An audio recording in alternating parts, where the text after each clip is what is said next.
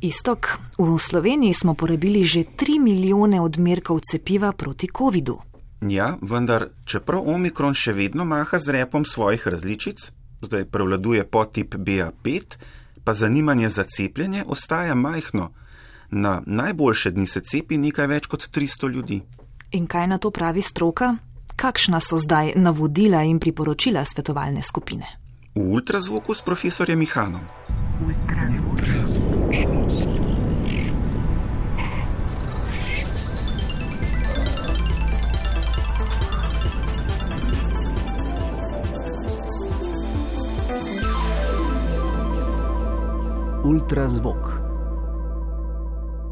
Tema ultrazvoka: cepiva in cepljenje proti COVID-u. Ključne besede: cepivo za omikron, četrti odmerek, cepljenje za starejše od 60 let, cepljenje za mlajše od 60 let. Sedem vprašanj, sedem odgovorov in razlag profesorja Alojza Ihana.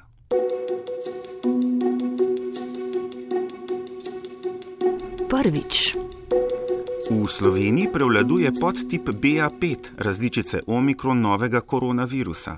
Sledita ji različici BA4 in BA2. Na vprašanje, koga omikron v tem trenutku najbolj ogroža, profesor Alojz Ihan pravi, da moramo pogledati, kako se okužbe z omikronom izražajo v bolnišnicah. Povzroča pa seveda tisto, kar vidimo v bolnicah, resnejše zbolevanje ljudi preko 60 let, to so naše in tuje izkušnje, in pa ne glede na leta, hude bolezenske slike pri imunsko kompromitiranih ljudeh. Predvsem na te dve skupini smo nekako usmerjali naše poletne aktivnosti. Drugo pojasnilo. Tokrat vprašanje: komu svetovalna skupina priporoča četrti odmerek cepiva proti COVID-u? Ljudem preko 60 let in pa posebej seveda ljudem, ki imajo faktore tveganja, torej ki so imunsko kompromitirani, ali pa čim starejši je človek, več možnosti ima, da bo pri njem nastala resnejša bolezen. Tako da to je tista prva skupina, v katero smo usmerjali pozornost in ji priporočamo drugi poživitveni odmerek. Profesor Ihan opozarja, da tudi najbolj ogrožena skupina, starejši od 60 let, ni dovolj precepljena že z osnovnim cepljenjem. Tretjič. Samo 80% z osnovnim cepljenjem in pa 60% s prvim poživitvenim odmerkom, kar pomeni, da imamo 20 do 40 odstotkov ljudi na 60 let, ki lahko pridejo v bolnico. In zlasti te ljudi potem pozivamo, ne samo tiste, ki so se že cepili z prvim poživitvenim, da se pridejo cepiti z drugim poživitvenim, ampak še bolj vse te skupine, ki se še niso cepili ali pa so se cepili samo osnovno, da se pridejo cepiti, ker je precejšna možnost, da sicer uh, dobijo težjo bolezen. Ultrazvok. Svetovalna skupina za cepljenje je izdala nova navodila in priporočila za cepljenje proti COVID-u. Profesor Alojz Han jih je pojasnil na novinarski konferenci. Četrtič.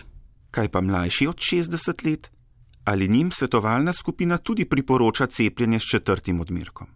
Omikron povzroča tudi fenomene, ki jih poznamo kot podaljšani COVID ali pa dolgi COVID. In študije kažejo, da v približno enakem odmerku kot delta, se pravi okrog 4 odstotke ljudi po enem mesecu in pa po treh mesecih javlja, da imajo še vedno težave.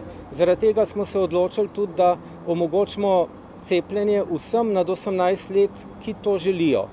Pri tem je treba povedati, da ljudje, ki so bili polno cepljeni, se pravi, ki so imeli osnovno cepljenje, pa prvi poživitveni odmerek in so stari manj kot 60 let, glede na študije, objektivno ne dobijo nič od drugega poživitvenega odmerka.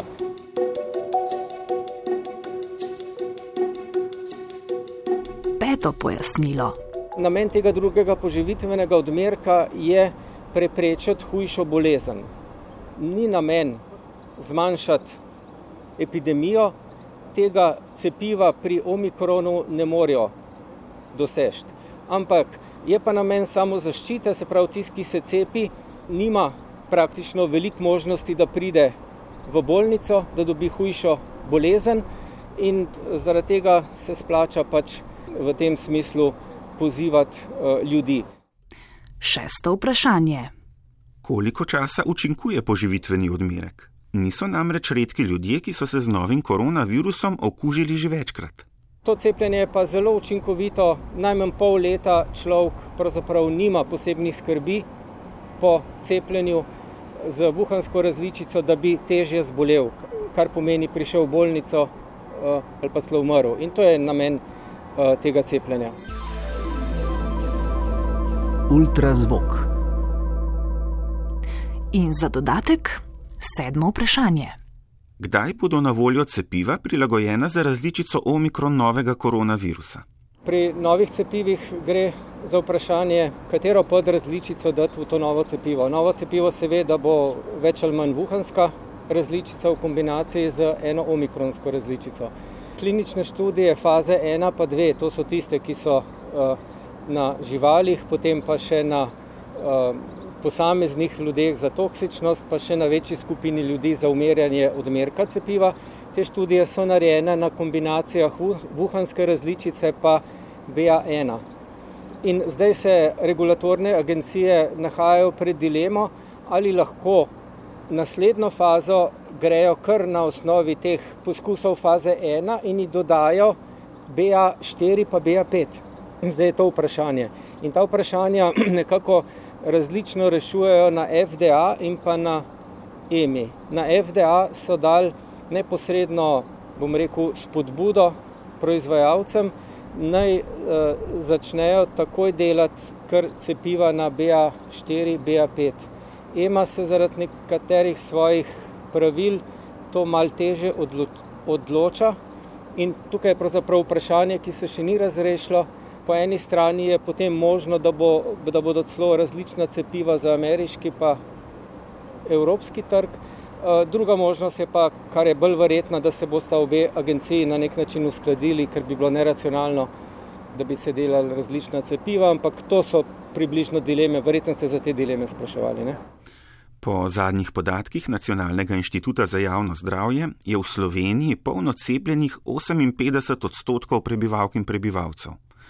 To je 1 milijon 220 tisoč ljudi. Od tega jih je tretji odmerek že prejelo 655 tisoč, s četrtim odmerkom pa se je v Sloveniji cepilo 2500 oseb.